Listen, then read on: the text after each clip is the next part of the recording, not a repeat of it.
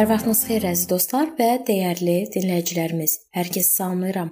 Mənim adım Sona və sizi Allahla 5 dəqiqə adlı podkastımızda xoş gördüm. Bu gün belə bir mövzu istəyirəm araşdıraq. Ruhumuzda rahatlığı necə tapa bilərik? Yaşa dolduqca çiyinlərimizdəki yükü daşımaq daha da çətinləşir və bəzən belə bir sual doğur. Bütün bu şeylərə görə bu qədər əziyyət çəkməyə dəyərmi? Bundan sonra yolumu necə davam etdirim? Ola bilsin, işlərin çoxluğundan çatdıra bilmirsiniz.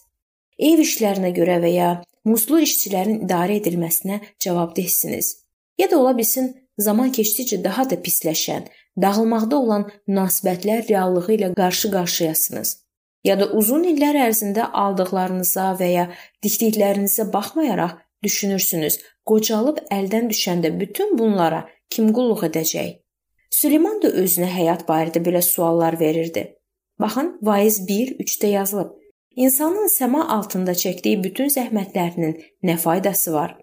O anlayır ki, var dövlət çoxaldıqca onu yeyənlər də çoxalır. Vaiz 5:11. Süleymanı varisinin müdrik olub olmamasından asılı olmayaraq onun bütün varidatına sahib çıxacağı fikri narahat edirdi. Yalnız Süleymanın gəldiyi nəticələr üzərində düşünərək həyatda qarşılaşdığımız narahatlıqlar və qorxularla mübarizə apara bilərik. Vaiz 12-13-də yazılıb. Nəticə bundan ibarətdir. Allahdan qorx, onun əmrlərini yerinə yetir. Bəli, insanın əsas vəzifəsi budur. Allah qarşımızda sayələrində rahatlıq və sevinc tapacağımız çoxlu imkanlar və yollar açıb. Bu yolun ən birincisi Günahı etiraf etmək. Yaqub 5:16-da yazılıb: Günahlarınızı bir-birinizə etiraf edin və bir-biriniz üçün dua edin ki, sağalasınız.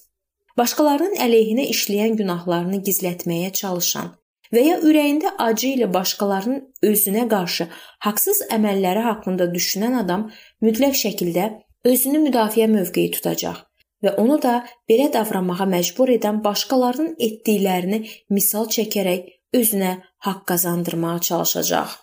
Bütün bundan insanlar arasındakı münasibətlərə mənfi təsir göstərir. Fövqəladə həddə yüksələn stress və mənəvi gərginliyə səbəb olur. Lakin biz səhv addım atdığımızı etiraf edəndə və bunu yanlış hərəkətimizdən zərər çəkənlər qarşısında edəndə dərhal şəfa verici proses başlayır. Bu isə dağılmış münasibətlərin bərpasına və sağlam emosional vəziyyətə gətirib çıxarır. İkinci, özünü aşağı tutmaq. 1-ci Petr 5-ci fəsil 6-cı və 7-ci ayələrdə yazılıb: Allahın qüdrətli əli altında özünüzü aşağı tutun. Onda Allah sizi vaxtı çatanda ucaldacaq. Bütün qayğı yükünüzü ona ötürün, çünki o sizin qayğınıza qalır dərk edəndə ki, vaciblik və təsir məsələsində heç də kainatın mərkəzi biz deyilik, onda ətrafda baş verənlərin həqiqi mənasını anlamağa başlayırıq. Əvvəllər bizə fəlakət kimi görünən şeylər haqqında ən cəsarətli xəyallarımızda belə düşünməyə qorxduğumuz böyük bir xeyir-duaya çevrilir. Daha sonra Allaha bütün qayğılarımızı etibar etmək üçün ona nəyin xoş olduğunu dərk edəndə anlamağa başlayırıq ki, gələcəkdə baş verə biləcək hadisələrin indidən qayğısına qalmaq və narahatlıqlar yalnız sevinc və rahatlığımızı əlimizdən almağa xidmət edir. 3-cü Allaha etibar etmək. Mənəvi gərginliyin böyük hissəsi insanın gələcəyi ilə bağlı qorxularından doğur. Əgər Allahın güclü və sevgi dolu olmasına dair kəlamda yazılanlara inanırıqsa, onda həyat qayğılarımıza münasibətimizlə bağlı onun göstərişlərinə tabe ola bilərik. Filiplilərə 4:6-da yazılıb: Heç nəyin qayğısını çəkməyin, amma hər barədə xahişlərinizi Allaha dualarla, yalvarışlarla şükür edə-edə bildirin. Həyat yolumuzda, gələcəkdə də bizi narahat edən hadisələr baş verəcək. Lakin Allahın həyatımızı daha yaxşı istiqamətləndirib və düzən verəcəyinə inanaraq duada bütün qayğılarımızı Allaha versək, rahatlıq tapacağıq. Və sonuncu yol şükür etmək. Günahlarımızı, insanlara və hadisələrə yanlış münasibətimizi etiraf etməyə öyrənəndə Allahın bizim üçün hazırladığı təvəzzükar mövqeyi tutmağa hazırlaşdıqda onun hər şeyi yoluna qoyacağına inananda Allaha şükür edəcəyimiz çox şey olduğunu başa düşməyə başlayacağıq. Biz keçmişdə olan çətin günlər zamanı Allahın necə davrandığı, onun başqalarının həyatında oynadığı rol və onun iradəsinə tabe olanda onun bizə göndərdiyi sevinç hissi barədə düşünə bilərik.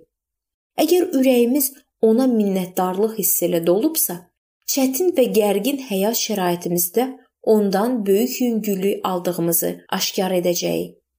1 Saloniklərə 5:18-də yazılıb: Hər vəziyyətdə şükür edin, çünki bunlar Məsih İsa'da olan sizlər üçün Allahın iradəsidir. Bu yalnız Allah övladlarının riayət edərək qəlblərində rahatlıq tapdıqları müqəddəs kitab prinsiplərindən yalnız bir neçəsidir. Baxmayaraq ki, Allahın bu insanları yerləşdirdiyi şərait vasitəsilə həyatlarında nə yaratmaq istədiyini tam başa düşmürlər. Allah onun kəlamına uyğun həyatımızı hər cür şuurdan, insan dərrakəsindən üstün olan sülhlə doldurur.